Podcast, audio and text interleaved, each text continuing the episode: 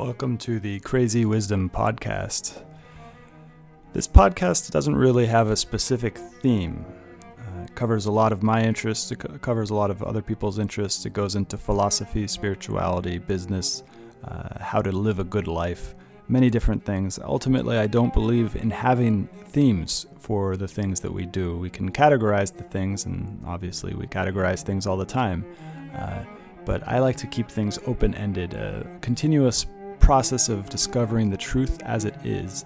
Uh, and the truth is tricky because we can't really get to the truth uh, exactly because the truth is nonlinear. It is, in the words of John Vervaeke, combinatorially explosive. Uh, even the truth of this window that I'm looking at, the window itself, the glass that makes up the window is combinatorially explosive.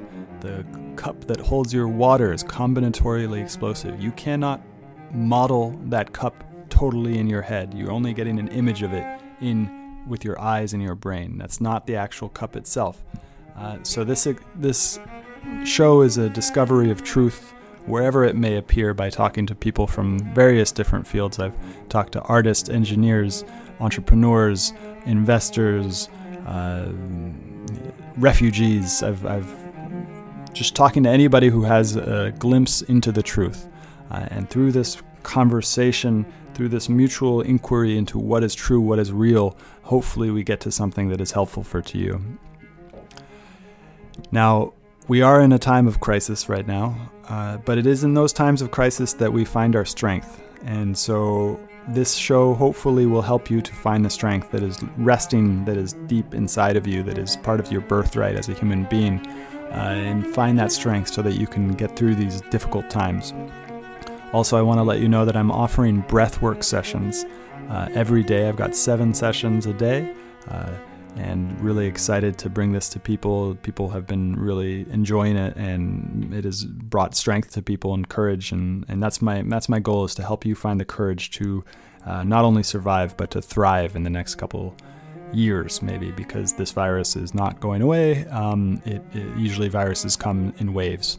Uh, so this is the first wave. It will go away, and then it might come back. I'm not saying that I know for sure it will come back, but we are in this for the long haul. So this is a uh, marathon, not a sprint, uh, and I want to do everything I can to help you not only survive but to thrive. Uh, so. If you are interested in that, please find me on Twitter at Stewart Alsop III. My DMs are open. I'd love to hear about what you think about this show.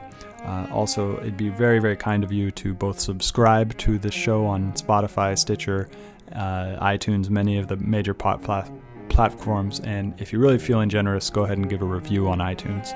So join me for the breath work. Just send me a message on Twitter at Stewart Alsop III with your email, and I'll add you to the email list where I'm sending out emails for the schedule. Uh, hopefully, see you there. Have a great day.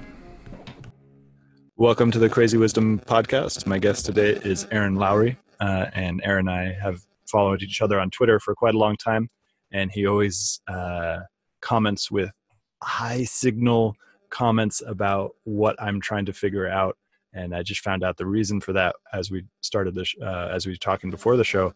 And he owns a mechanic shop that does specializes in vintage or specializes in deep personalization of vehicles. So he's building a diesel engine into a into a Chevy chassis, and uh, very excited to learn more about your ways. Uh, welcome to the show. Thanks. I appreciate it. I'm, I'm really excited. I've been looking forward to this conversation. Yeah. Uh, so you were just talking about how you're developing this model for like you're, you're, you're just on your own building these, these machines. Uh, is that accurate? Yeah, I I have a friend here locally who has a large shop. He's well established in the industry, and um, you know, he's been able to successfully scale it up and, and get a number of people working for him. He does exceptionally good paint and and finish assembly work. And so I'll actually sub out processes like that because there's no way that one person can safely assemble um, a painted vehicle like that. So there are limitations to what you can do, but you know there are extreme challenges to scaling specialized service based or or or even um, product industry. And um, it's something that has drawn me to software in many ways because it has that sort of infinite almost infinite scalability with the you know such low cost. But um,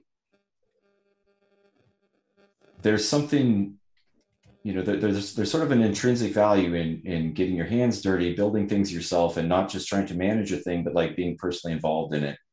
And i think there's you know one of the one of the things that that i'm constantly trying to tune my attention towards is like where is my awareness focused? And i find that you know being engaged directly with say metal fabrication or or forming and shaping and welding and um, you know, at the same time, trying to do sort of like three dimensional engineering in my head for like fitment of all these different, you know, disparate items that need to work and all function together in a confined space with a lot of constraints. And, you know, that causes a sort of an, an immediate feedback mechanism to occur. And you begin to develop familiarity with the processes and the properties of the materials that you handle and and you begin to understand things like almost inherently you begin to understand some of the the um, what we would codify in, in the laws of physics you know the uh, properties of thermal expansion and contraction and um, you know like you can intuit all these things when you're when you're hands-on involved in them. And you get like these immediate feedback when when you diverge off of a path where you know you, you violated some property of something that you're um, engaging so, like, I spent a couple of years in, in, the middle of my sort of automotive experience between the, the, the vintage race car work that I kind of specialized in, in, in when I was in California and my time here where I've been oriented more towards like street rods and custom cars doing, you know, blockchain software and hardware integration. And what? what's that? You've, you've, you've uh, customized vehicles with blockchain integration? No, I mean it was just a divergence. Um, sort of like I have very disparate interests. I follow information all kinds of places, and you know try to synergize it together. And um, you know, one of the the offshoots of my, I don't know, I, I guess kind of claw, um, combining a number of things together here and getting a little bit off track, but it's it's difficult without kind of some context. Um, I guess the best, maybe the best place to tie this together is um, relatively early on in California, 2012, I co founded a geotelematics company with a couple of customers um, that I serviced vehicles for. And we were going to do you know, vehicle tracking systems for fleet and um, and uh, initially fleet applications. And then we ended up developing a consumer product that we sold as a, a theft prevention and recovery type system. Mm-hmm. So, you know, that exposed me because I initially started in that as kind of in, in, a capacity as operations, and I was doing it on the side while I was, you know, building cars. And, you know, we ended up developing the consumer product very much oriented around protecting things like trailers. You know, we had lots of customers, friends, all these people in the industry that you know have these custom vehicles that live in a trailer and you know they come up stolen every now and then. And some of them are are even if they're recovered you know they're often damaged and some can be almost irreplaceable if they have a historical value. So and and i learned a tremendous number of different things doing all of this from from the perspective of threat detection and and sort of like um, you know game theory threat imagination kind of standpoint and you know, I mean, you, you realize very rapidly that it's basically impossible to fully secure anything. Um, and then, you know, we were developing all these things having to, to utilize some existing technology infrastructure that, you know, there was no way we could, um, could develop on our own, such as like the, the mobile networks, uh, working with MVNOs and, and SIM card providers for data service and um, hardware manufacturers because you know like hardware manufacturing is prohibitively expensive um, especially for small bootstrap startup mm. and that exposed us to a couple of things that in tw- by 2017 we'd gone through sort of a mandatory 2g sundown to you know 3g networks and then um, you know, we were using 2G devices initially because we had very low data demands and they're totally appropriate and cost effective. And that forced us into a scenario where we had to like offer upgrade programs to our customers to keep them serviced. And, and so, uh, my one partner who's uh, I've worked with for 10, 12 years now, um, his name is Mike. I'll say it because I'll probably reference him in, in speaking. So Mike is a, a brilliant programmer and, and like we've we're about the same age. He's from poland. You know i'm from the mountains in southwest colorado. Um, we met through a car forum like 15 years ago. And for like i said the last 12 years we've been working together and developing different projects um, around technology.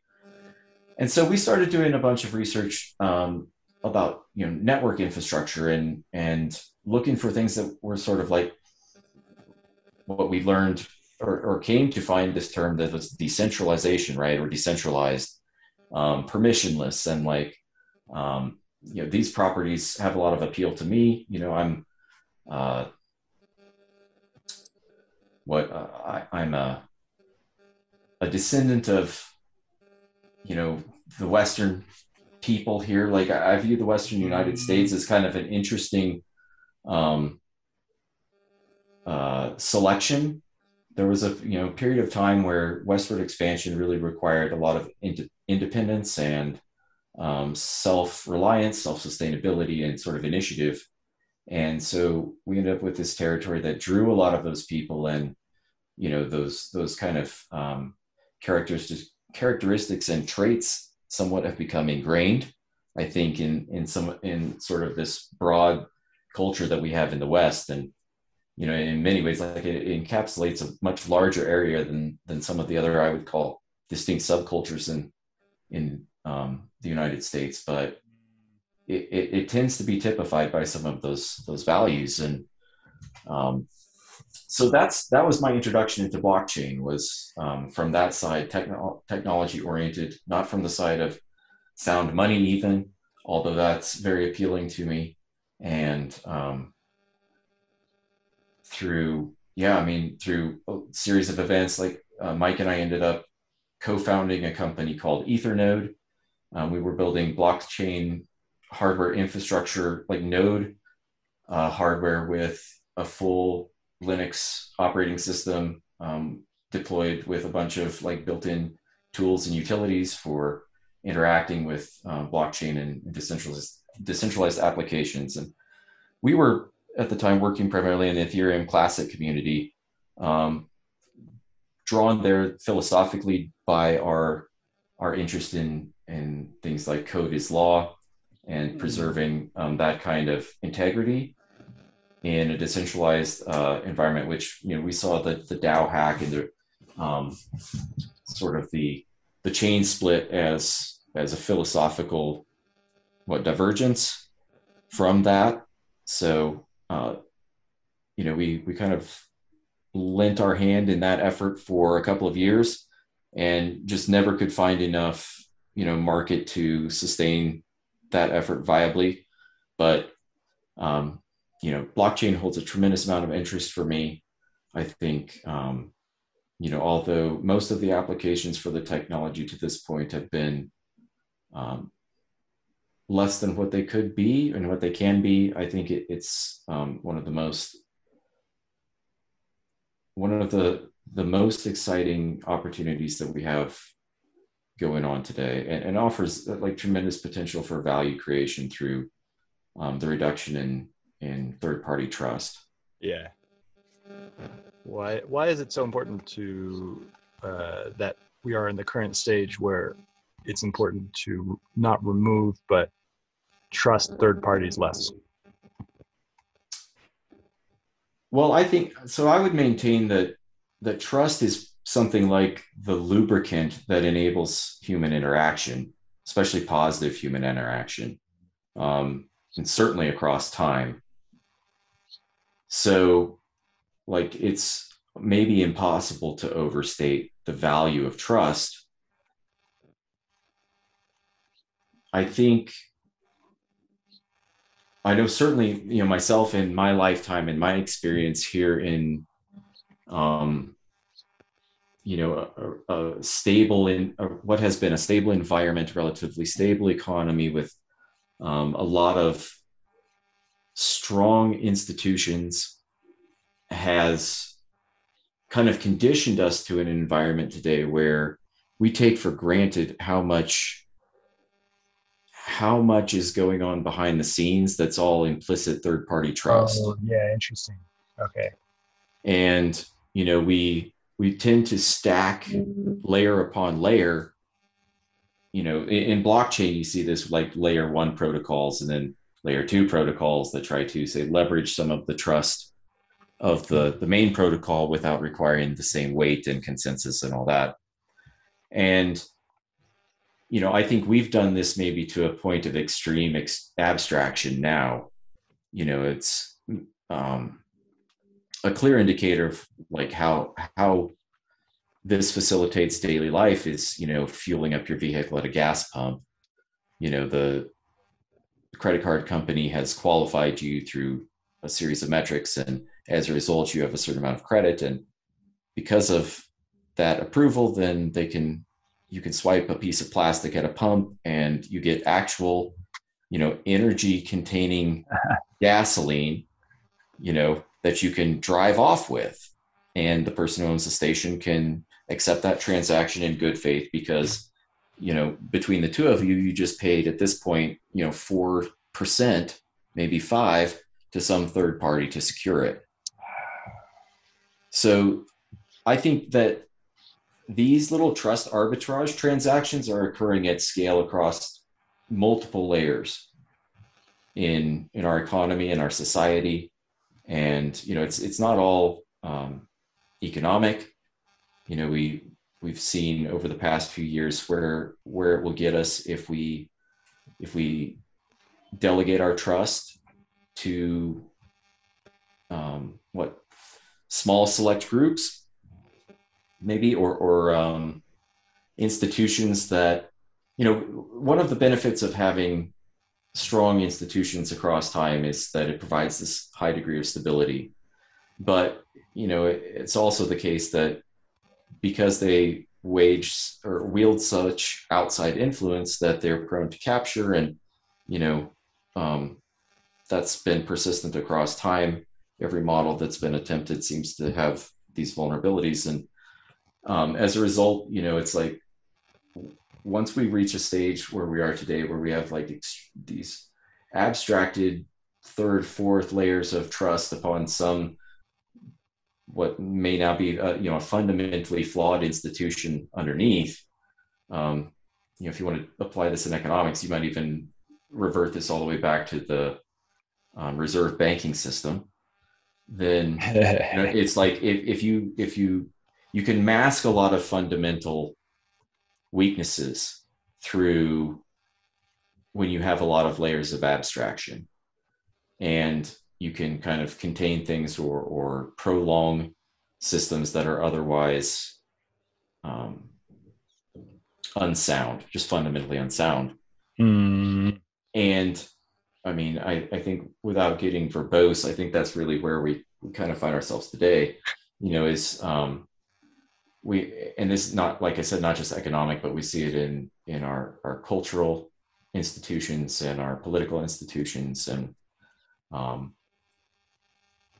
you know there's trust has been almost um, explicit for all these years like you know vast approval or, or just say like vast numbers of people using these systems with very low friction enough so that they're you know habituated to um, all of the conveniences and uh, at the end of the day, that ends up becoming a vector into people's self sovereignty.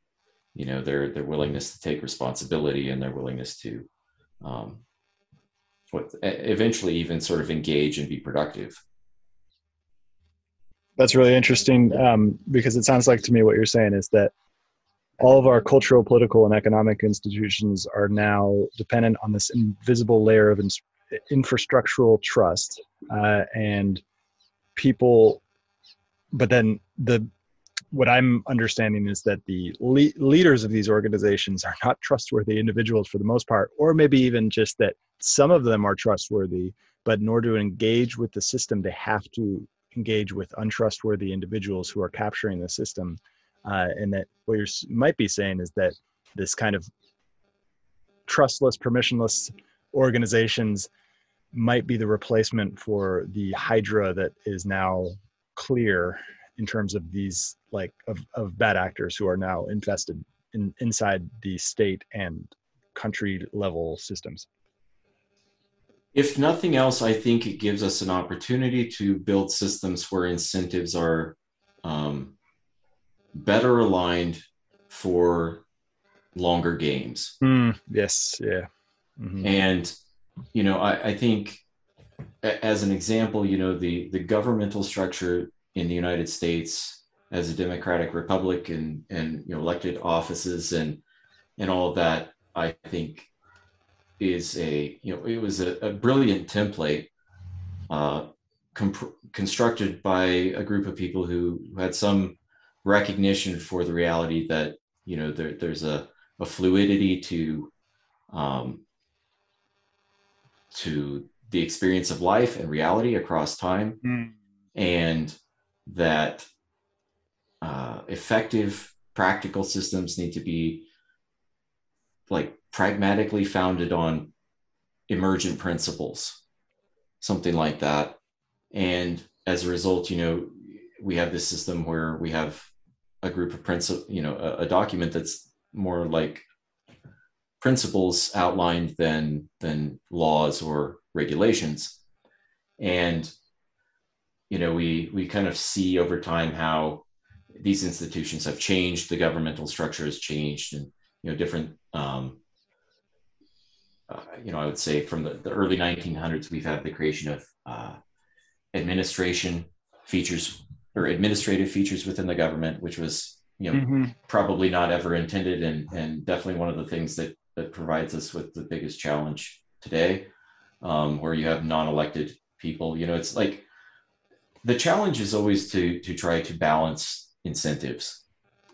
And you know the, the only way i see that effectively achieved ever in in public is transparency and accountability. Yeah interesting and you know so you you can begin by creating these institutions with you know the highest degree of transparency possible. And you know this is something that is certainly much more achievable in a blockchain environment um, than I think it ever has been before, especially in a way to you know provide access without relying on some third party to to verify past transactions or or you know whatever data you're trying to um, confirm.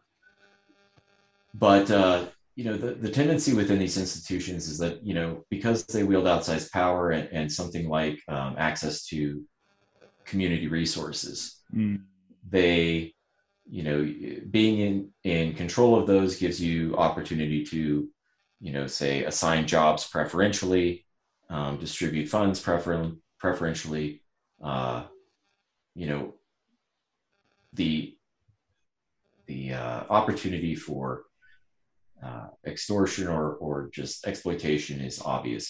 So you know to combat that, we try to keep these institutions or these these offices as public as possible. And this is something that was much more effective in say the early days of this country than it's become today, mm. or at least certainly than it was for quite a while. And you know maybe social media for for all that it does in, in um, from both sides of the spectrum, right? It's like good and bad. There is something more like at least a opportunity to observe what's what's being done by elected representatives that are beyond your capacity to touch locally. Then the that's where we get into one of the strangest things that i've been noticing and i think you've probably seen it too is the fact that most politicians the line between an actor and a politician is disappearing uh, because they're all acting in ways that look good if you look at them at the superficial layers. Well, it's questionable that, to me whether the distinction ever really actually yeah. existed because you know the word itself um, indicates, right? Like like the base of the word is is an actor. Right? Oh, is like he? It's one- it's one who acts, right? Uh, uh, yeah, Oh, a politician is is one who acts, right? And I think uh, you know it's it's absolutely correct. I think that the challenge that we've or, or maybe the the situation that we find ourselves in today is that um, you know like like I referenced earlier how I value the the feedback of working with my hands you Yeah. know whether it's whether it's with metal or wood or um, whatever is like uh, you have an instant feedback mechanism that's Yeah. undeniable I love that. Interesting. and there's a lot of people. So when I was doing the blockchain startup, Ethernode, we got into an accelerator, Mike and I, that was in San Francisco. It's three months in the beginning of 2019. And we shared a two bedroom apartment with a couple other guys from a different project on Post and Hyde Street, just north of the Tenderloin and uh, that was my only experience in my life of living in an urban environment. You know i've grown up in the rural you know the mountains of southwest colorado and um, you know even in southern california i didn't live in anything approaching urban environments just kind of suburban. And like it, you know those sort of uh, those sort of experiences are great to to open your eyes and kind of you know if you're there to and paying attention and your say your uh, your attention is focused then then there's many opportunities there to like refactor all of your thinking about how people are how they can be how they can live you know how people think and why they think the way they do especially in groups. And you know it, it, it's really clear to me after having lived in an environment like that like how how people naturally end up in very different sort of um, ideological system structures Mm. when when you inhabit an environment like that because you you are so disassociated from sort of those tangible feedback mechanisms Yes. you know it's like in that environment specifically you know you, the industry that drives the economy there requires hyper specialization and you know we rec- we, i would say we realize a lot of benefits at scale as societies when we have properly functioning and operational trust systems to be hyper specialized and you know we we all can you know with efficient with efficient trade and and all that we can benefit substantially across the board. But it it changes the way that you view and interact with other people. Yeah. and you know it's like no nobody who who works downtown there knows how to change their garbage disposal nope. and that's not necessarily a problem because there's like eight plumbers within a mile Yeah. Yeah. Yeah. but you know you contrast that with sort of my background experience which is like you know you're 40 minutes from the auto parts store or wherever you're going to go get the part you need for whatever just broke and you know you need to be able to have a functional knowledge of the systems that you're repairing so you can you know diagnose them and figure out what's broken and what needs replaced and you know do you have the tools and what parts do you need and you know all of these things and then basically execute the entire operation yourself so you can get back to work and do your job. So you know it's it just i don't know it's very clear to me because like i'd spent some time in in west africa in my early 20s and you know that was a massive cultural shock and and just like a shift in in perspective and mindset for sure. But um i didn't have the framework to maybe analyze it the way i i do now or or, or i did when i you know went to san francisco a few years ago. And i think that our system today is basically full of people who like you said they they're acting um, but you know they're they're acting in in competition for a role that's that's not something like you know defined pragmatically. It's become a popularity contest based on whatever the current you know egregore or mind virus or whatever type of um, you know ideological possession you want to try to term there you know what i mean? Like that's really where our selection process has gone now. And as a result we end up with a lot of people who are are fluid enough to say the right things at the right time within that model. But the model's pretty disconnected from something like base reality. And the feedback mechanisms are broken or distorted. And you know I, I think if you had to distill some of the the core wisdom that we've received over time it's that you know the best way to operate is in the truth mm. and you know the the only way you know truth is a, a thing that I, I think you know you've you've mentioned in um, i think even your intro or outtake of this show right? That like truth is this thing that you know you kind of approach or you you seek for and, and you're always trying to develop something like a more complete version of truth without ever holding anything like it's full truth. Yeah beautiful. You know? And so you know therefore like that's something you really have to um embrace and kind of allow to inhabit you because there's a something like a promise of futility in there. Mm. and you know at the same time it's it's um it's a mission objective you know that's sustaining. So it's hard to put a value on that.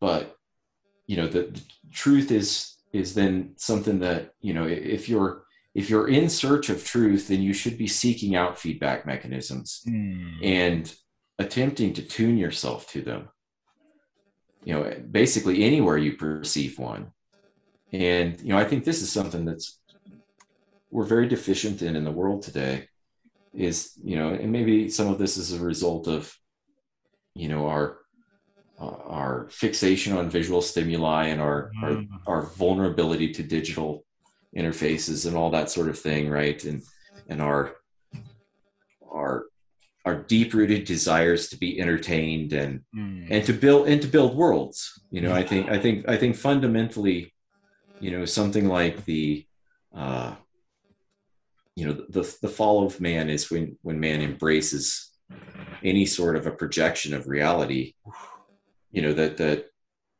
that violates in any way a known a known feedback.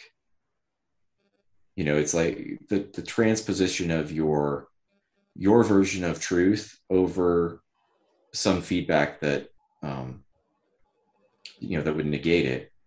And the the best posture to be in is is in one where you're responsive to feedback. You know it's like um we shouldn't we should never be offended by feedback. You know like that's that's a wrong posture to have. Feedback is is opportunity to learn. You know it's like there are this has been said before obviously i'm borrowing but like there are no errors right? There are no mistakes. You just you know there's opportunities to learn and and iterate and proceed you know and um fundamentally different mindset for sure. So, um, uh, what you said about this world that I've been born into that you only inhabited for a short amount of time. I mean, I grew up in the suburbs, but it was almost urban. Um, and now I'm living in a rural environment. And as you said, if something breaks, it takes some time to go somewhere to go get it fixed. Um, and the funny thing was that I showed up here and I was just ordering off of Amazon because that's what I do in the city. And I was like, oh, this works in the country too. Um, and uh, and I think that that's a valuable strategy as well. But now I've discovered that I can go in and talk to people at the store and they can tell me what to do. Um, but basically, eh, but I'm I've always felt that my ability not to change that garbage disposal is a huge lack in my uh, in in in understanding reality um, and but and now I understand it, and now I've got this great urgency to to resolve that, and that resolution is it's only the acquisition of knowledge. It seems that it's the acquisition of the the educational knowledge, but then also the application of the applicable knowledge about how to apply that education. That always comes with this frustration. Uh, and it, and I imagine that you've dealt with a lot of frustration in order of doing these edge case antique uh, cars that you're doing. Um, and it's just such a and now it starts to become much clearer as to why people in the city who are like me uh, are in such a strange state of existence that's not tied down to reality. And the, the the ironic thing about it is that we have all this knowledge. It's just there. It's right there. All it takes is this inquiry and and this ability to then get through this frustration of participating in a world that is foreign. Um, and i've done a lot of that in participating in worlds that are foreign, but in other cities, in other countries, mm-hmm. uh, all all under the same constraints of like people who are are built in or who are dependent on these systems of which they have no idea how they work. Uh, and I've, I haven't done it in the country, and doing it in the country is by far the far hardest, um, but also the most meaningful. I've, I'm, I'm finding myself in an incredibly meaningful position at the moment, which is just like, oh, I can actually change the nature of my environment in really, really important ways. Um, and all it takes is just a constant, constant state of learning and frustration. And and if you, I think that's absolutely right. And if you're really like as you become more adept at it, it allows you to focus on making things beautiful. Yeah, beautiful. Yeah, you know, and instead of just, uh, you know, like I think there's entropy is something that mm. that'll provide you with some, you know, a, a never-ending um, challenge and, and something like almost a, a purpose. You know, it's like mm. everything's breaking all the time, and if nothing else, it needs to be maintained, right? But that's really, I think, something we should aim for as just like a baseline, because you know, obviously, like we're pushed, we're we're just like compelled towards progress. And you know some people uh, more than others are are compelled to creative you know um, construction. And to the degree that you master say the tools and, and the materials that you you work with you're able to you know and i guess if you're oriented in the right way then then you're able to use that as a, a medium for expression and you know executed well that's that's you know something that can can achieve you know transcendent beauty mm. and i think that's a that's a goal that is certainly something that i aim for um, in the areas where i'm i say i would say proficient enough to attempt to achieve it and you know something i always appreciate when i see it or try to you know like i think we have an abundance of of material around us and, and certainly our, our institutions and our culture and our society that um, should just drive us to to gratitude mm. and you know one of the most i think disheartening things that i see in the world today is is when people are dismissive of you know even what are now compromised institutions. Uh... um, because you know again going back to things like trust and the systems that get built on the fundamental infrastructure it's like when if you start losing the credibility at the base layers like it's cascading. Mm. and you know like we take a lot for granted and we would do well to operate with with more gratitude. You know there are many things that should that that we can and should be improving. Um you know but but not at the expense of of writing off the the past efforts. Yes. So for the last 20 minutes or so i want to go from this kind of high level metal discussion which i'm enjoying quite a bit uh, to more hands-on technical sides of uh, 3D printing, laser cutting, if you have any um, experience in that, and probably woodworking, because uh, I've now taken the 3D printing course at the the makerspace that I'm going to, uh, mm-hmm. and I'm uh, going to take the laser cutter in a month. And then I just saw that they have a woodworking, which is the much more urgent task because I have things to build like a composting toilet and a and a shower, an outdoor shower, Um, and uh, are you a woodworker too? Yeah, actually, um, I, I, guess let me give you sort of a brief rundown of my experience. Um, I, like I said, I was born in the mountains, Southwest Colorado. I'm the oldest of nine children. Uh, my baby sister is almost 20 years younger than me. Wow. And, you know, my, I grew up also with my maternal grandparents nearby. And my maternal grandfather, especially, was just an incredibly handy and um, in, intuitive and, and just inexhaustibly curious person. And I was fortunate to spend a lot of time with him growing up. We lived in, uh, I was born in Ouray. Ouray was a tiny little town back then. It's still very small. It's a little mountain mining town.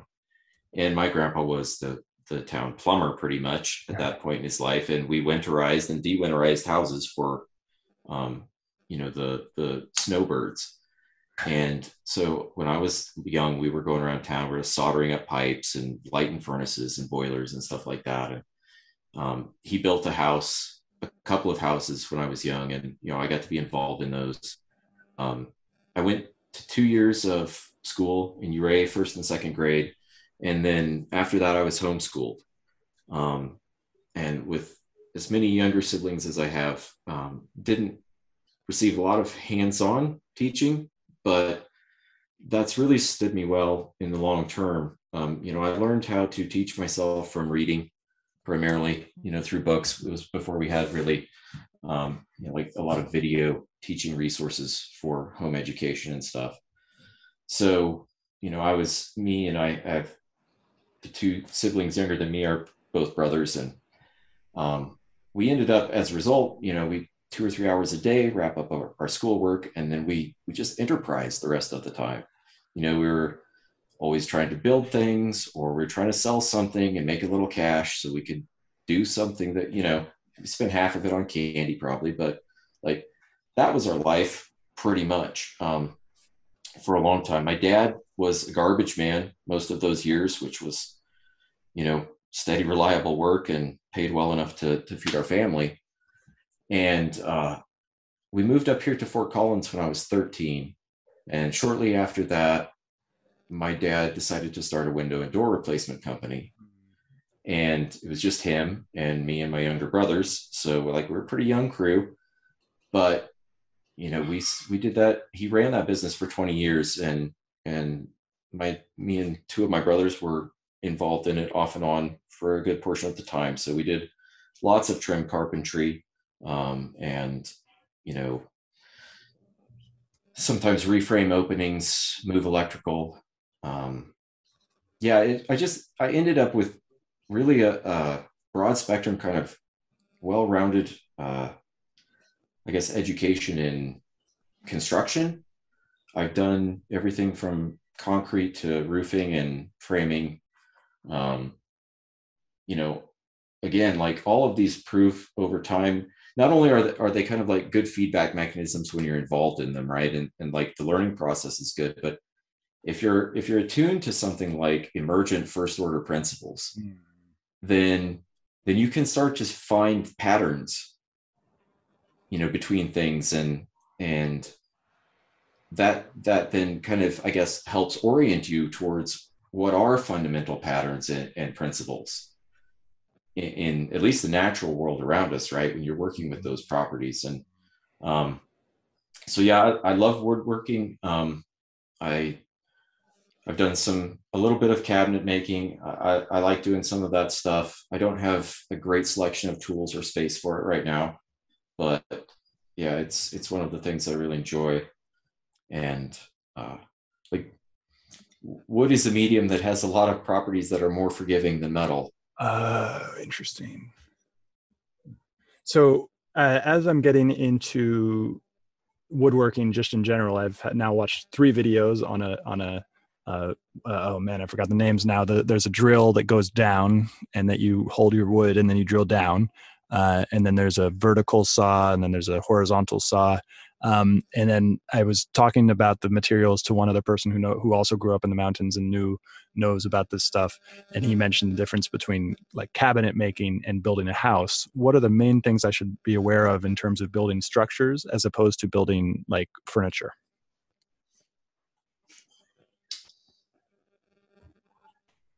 Well, the, I mean, the, the constraints are different. Mm. You know, it's like, like with anything, I, I, I think, I think constraints are necessary in the world. And hmm. so, you know, whenever I undertake anything that approaches something like engineering, I'm trying to factor what those in, what uh, those are. And so it's good to have something like familiarity with the materials you use specifically. You know, different woods have vastly different properties. And so you know but like the constraints of building say a rocking chair as opposed to you know a, a home in an earthquake zone in california uh, yeah. as opposed to you know um, a home on the, the coastal floodplain of south carolina right it's like the the constraints are so unique and, and then oftentimes the materials too you know and, and if you if you can resolve those two things, then then you have a place to start when it comes to like construction techniques. Yeah, got it. And that's that's the crazy thing about the situation I've found myself in is that it's all about the questions I'm asking, and that if I can zero in on what I'm actually going to build. So let's go. Let's take the actual structure that I'm going to build. I'm going to build a, a outdoor uh, shower and an outdoor composting toilet uh, the toilet is the most interesting thing, and I can't figure out where to find it. But I once went to a retreat center in Mexico that had a composting toilet, beautiful composting toilet, that had a ceramic bowl, specialized, customized ceramic bowl that separates the poop and the pee, um, and puts them in different places because that's the main thing you're looking for when it, you don't want the composting toilet to smell. Mm-hmm. And uh, and so I can't find that ceramic bowl. I need to find it. I can't find it on the internet. My Google search term is totally failing me on that one um, and then but then i've got the actual toilet itself which will just have that ceramic bowl built into sort of a wooden box with a with a uh, ingress and egress to safely remove uh, the um, the the bucket for where the poop goes in and then the pee is going to go just probably into the ground um, and uh, and then so and then i've got the structure the the privacy around that toilet which is a simple outhouse probably um, oh and now now i'm thinking that I should build the in ingress and outgress into the actual structure of the the the outhouse itself. Um, and then on the shower side, it's pretty seems pretty simple, which is just a door and four walls. One of those walls being open to the door, uh, and then leaving the the top totally open as well. Um, yeah, interesting. So, oh, and then what comes to mind as well is also for the toilet to make sure that it can be used in the winter to have a, a roof as well. Mm-hmm. What do you think about those constraints? I make a couple of assumptions. One of them is probably that the ground's fairly rocky where you are. Oh, is that accurate? Uh, not totally. There's a flat not space. Too bad. Yeah, it's a flat space. That there. What do you mean by rocky? Do you mean rocky? Like if you if you needed to dig two feet in to put a post in. Oh. Say cement, you know, concrete it into the ground.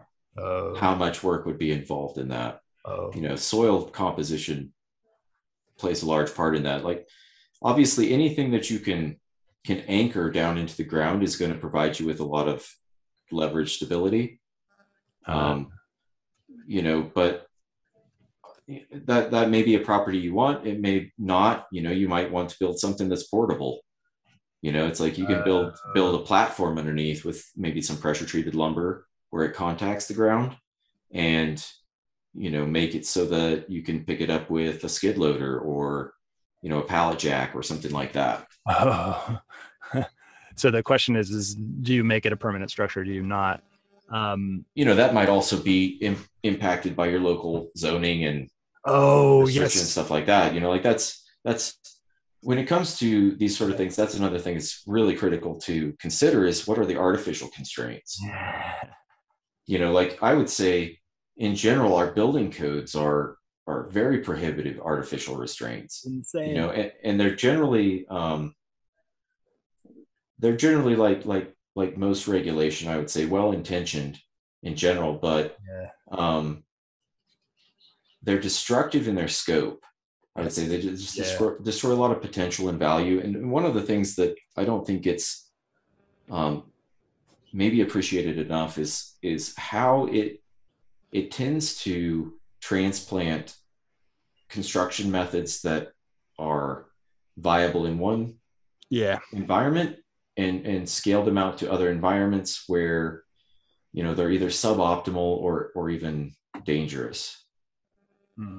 and you know oftentimes that's done at the expense of things like local building techniques and and building with local materials Yeah. Interesting. you know in, in this area here in the midwest um, especially if you go out to say kansas western kansas um, you find many old buildings that are built with local sandstone you know that's been cut into block and you know at, at least on a couple um, couple of sides so that they can be stacked really evenly and laid nicely.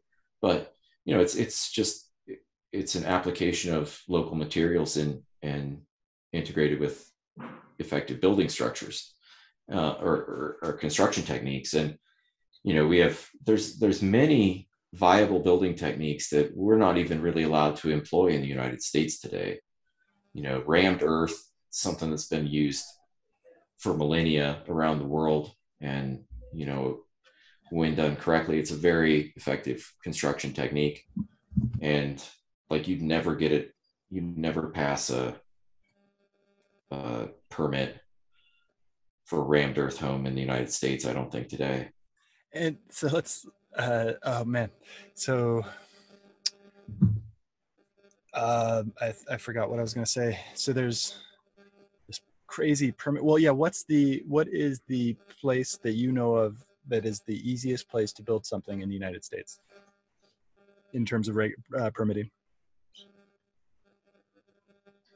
I'm pretty sure that's something that that that could be exhaustively researched and, and definitively defined.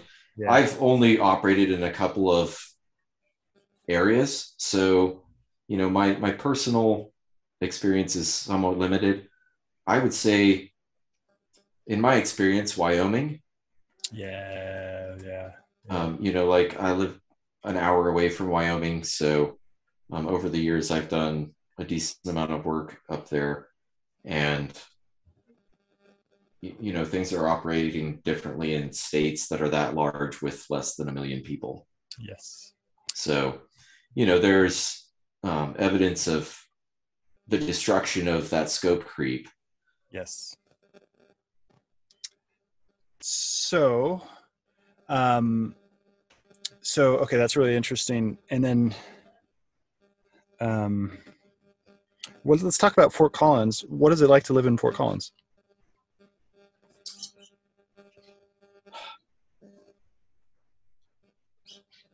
I don't live in Fort Collins proper now, but I'm you know very nearby, and I did live there for a number of years in the late '90s when I was young. I mean, I had a paper out there for the local paper for a couple of years, and um,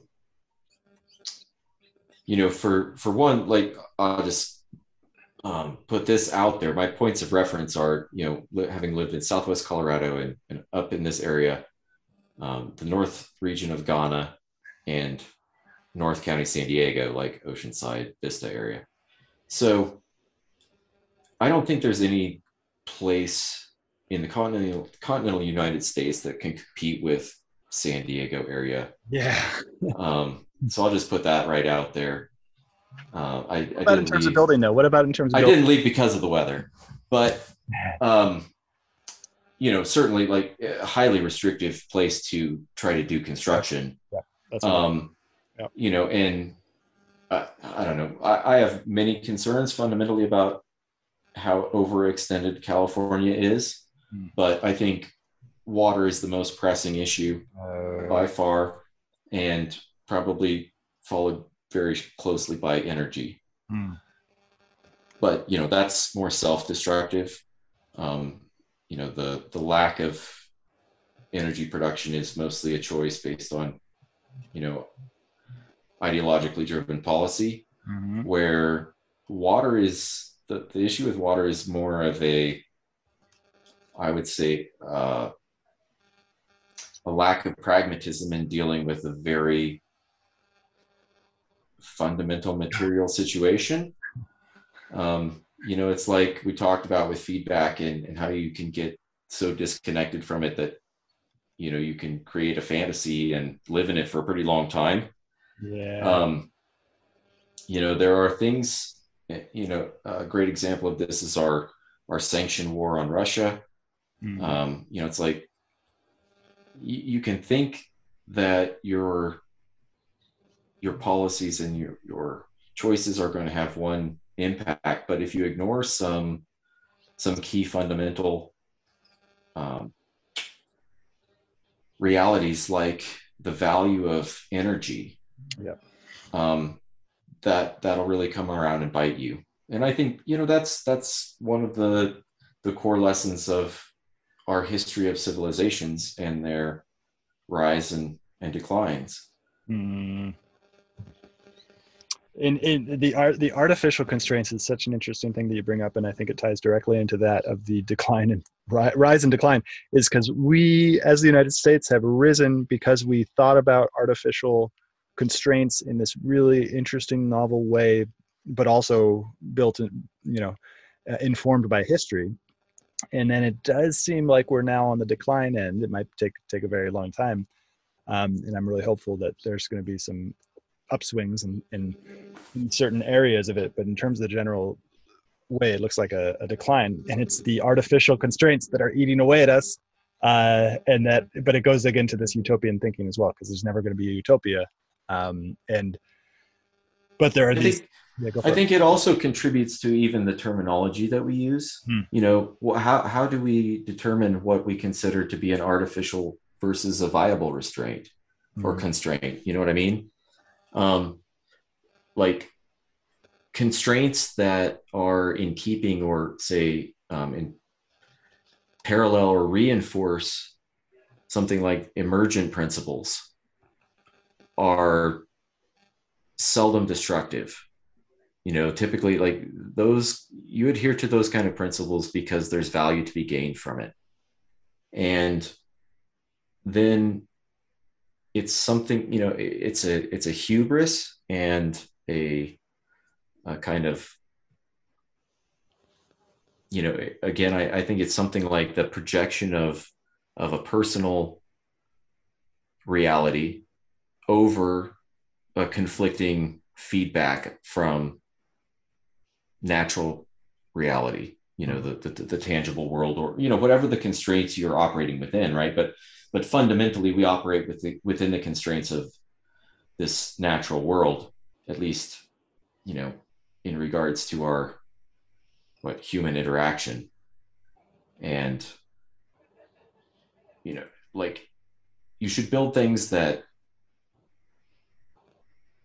that are uh, mindful of those constraints and operate within them. And when you try to build things that that ignore those constraints, you know, I think those are the things we would term artificial. And you know, they may have some costs initially, but if you compile enough of them, then they're the things that bring the system down.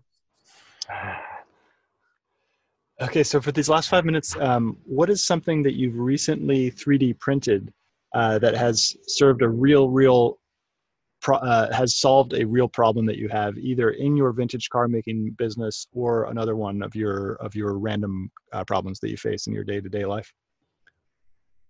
Well uh, most recently uh, the, so the most recent thing that I've printed was actually printer parts.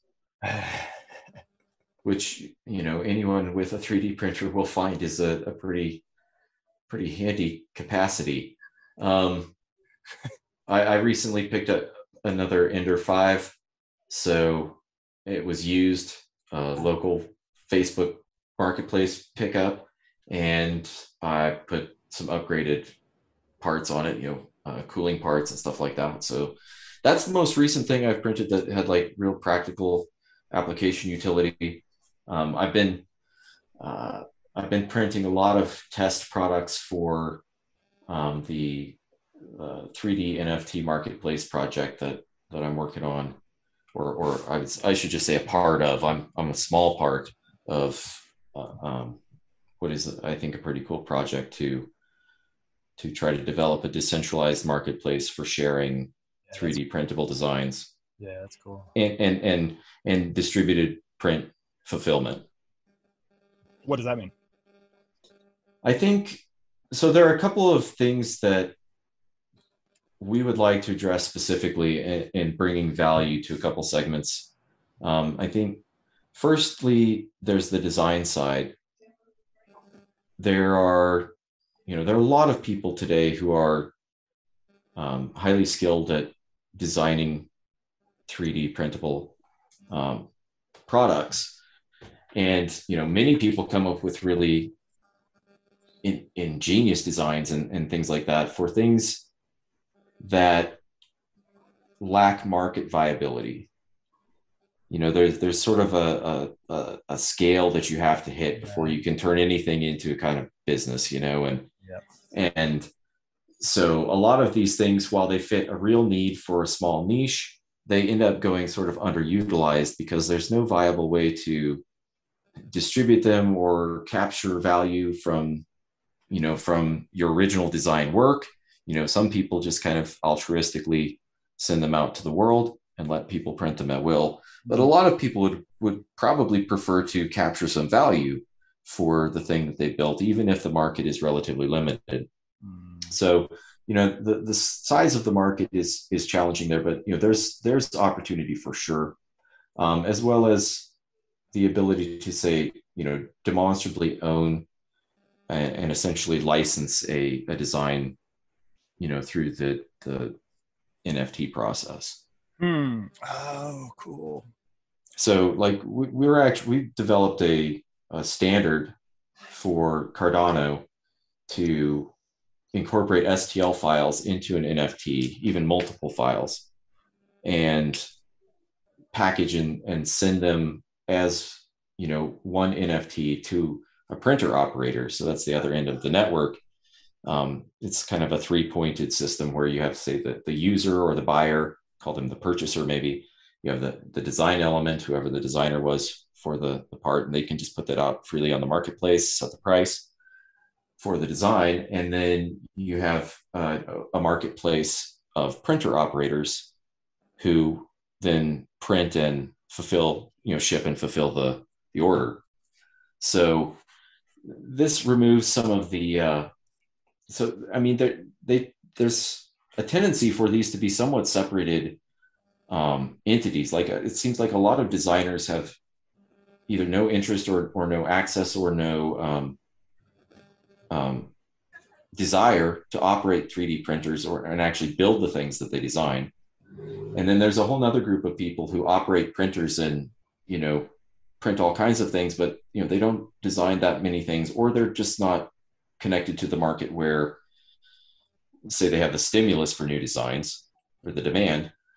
And so what we're trying to do is create an environment where you know on a decentralized smart contract can, controlled marketplace, you can connect all three of these parties um, using a credentialization system and um, staking we can incentivize good behavior within the network um, and yeah i mean it, it's it's a complex project trying to do anything with a, a modicum of decentralization mm. is just mm. you know it, it's amazingly challenging i love it because i think that i think that it offers us tremendous potential you know our our there are there are gains to be had by centralizing certain things for sure but there are also a lot of costs. And you know those costs exhibit in many different ways from you know over dependence on things like credentialed specialists to you know the the destruction of potential in construction or you know agriculture or like across the board you know.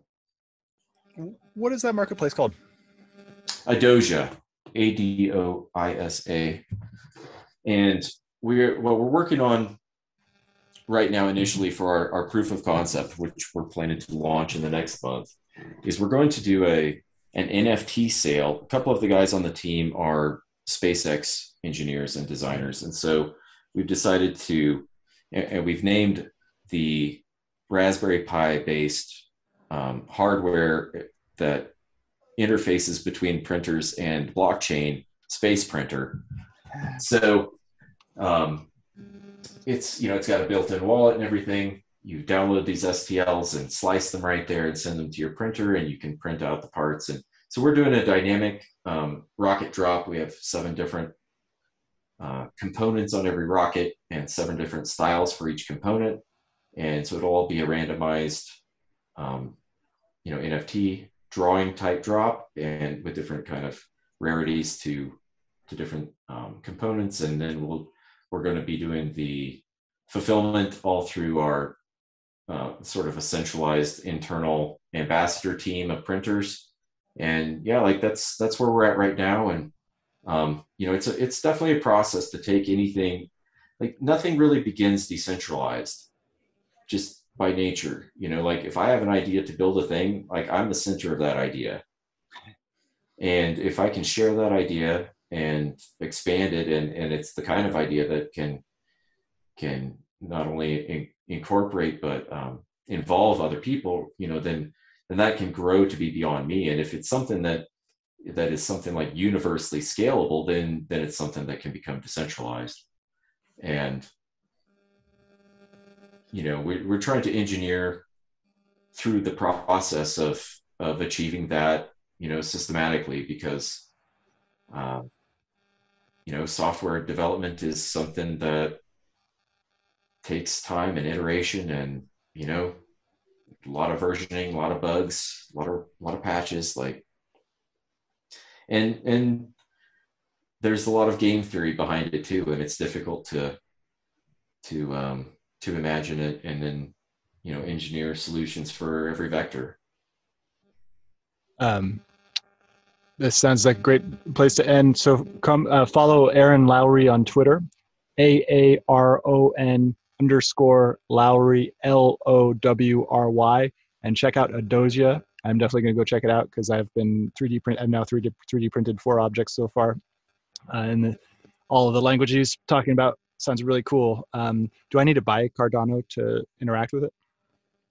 Uh, not currently, but eventually you would. Yeah. I mean, you know, we're we're trying to use a um, what a, a system of like locking funds and and everybody having to stake some funds into the contract for every job, and then you know, based on um, the outcome, then they get you know unlocked and redistributed, so that you know everyone's incentivized to be uh, a good actor and and bad actors within the system get get naturally punished.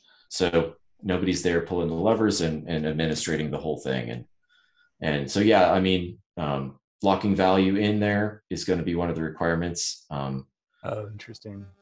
But and, and obviously, it's also the currency for the platform. Yeah. Yes, interesting. That's cool. Thank you so much. Yeah, absolutely. It's been my pleasure.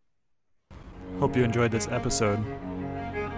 I'll be publishing episodes every Monday, Wednesday, and Friday in the morning. If you did enjoy this episode, please find us on iTunes, Spotify, Stitcher, many of the major podcasting platforms, and go ahead and give us a review. And also subscribe. And as always, I'm on Twitter at Stewart Alsop III. Come join the conversation as we aim towards the truth and the funny thing about truth is that you can't really put it into words because every time you put the truth into words, you create a linear narrative out of something that is nonlinear. The truth is nonlinear. It's not. It's. It's. If you really recognize the truth right now, your mind wouldn't know what to do. It'd be overwhelmed by beauty, and pain, or it's it's something that is beyond our linguistic capability to represent. But that doesn't mean that the language isn't helpful. Language can point us in the direct, right direction, but it's it's not it's not the truth itself. And so, come join this collective inquiry into the truth. Find me on Twitter at Stewart Alsop III. Uh, subscribe to the podcast. Share the podcast with your friends. Uh, most people don't have the ability to let go of this linguistic understanding of the way that the world works and just aim for the truth, regardless of what the language tells us. Uh, and so I think what I'm doing with this this show is is necessary for us because as we enter this stage of uncertainty, uh, and we are most definitely entering an age of uncertainty. And as we do, it's really, really important that we stop paying attention to what the mind is telling us all the time doesn't mean to say that the mind doesn't have its place. The mind obviously has its place, but it's just one of the senses. It's just one of the tools that we can use. We can use the mind, we can use the feelings, we can use our actual senses. Uh, we can check our intuition with other people because sometimes the intuition tells us the wrong thing as well. Sometimes the intuition is wrong. So it, we can't we can't rely on any one tool to get us there. So come join the show. Find us on iTunes. Find us on Twitter at Stewart Alsop III, uh, and come join the, this inquiry for truth.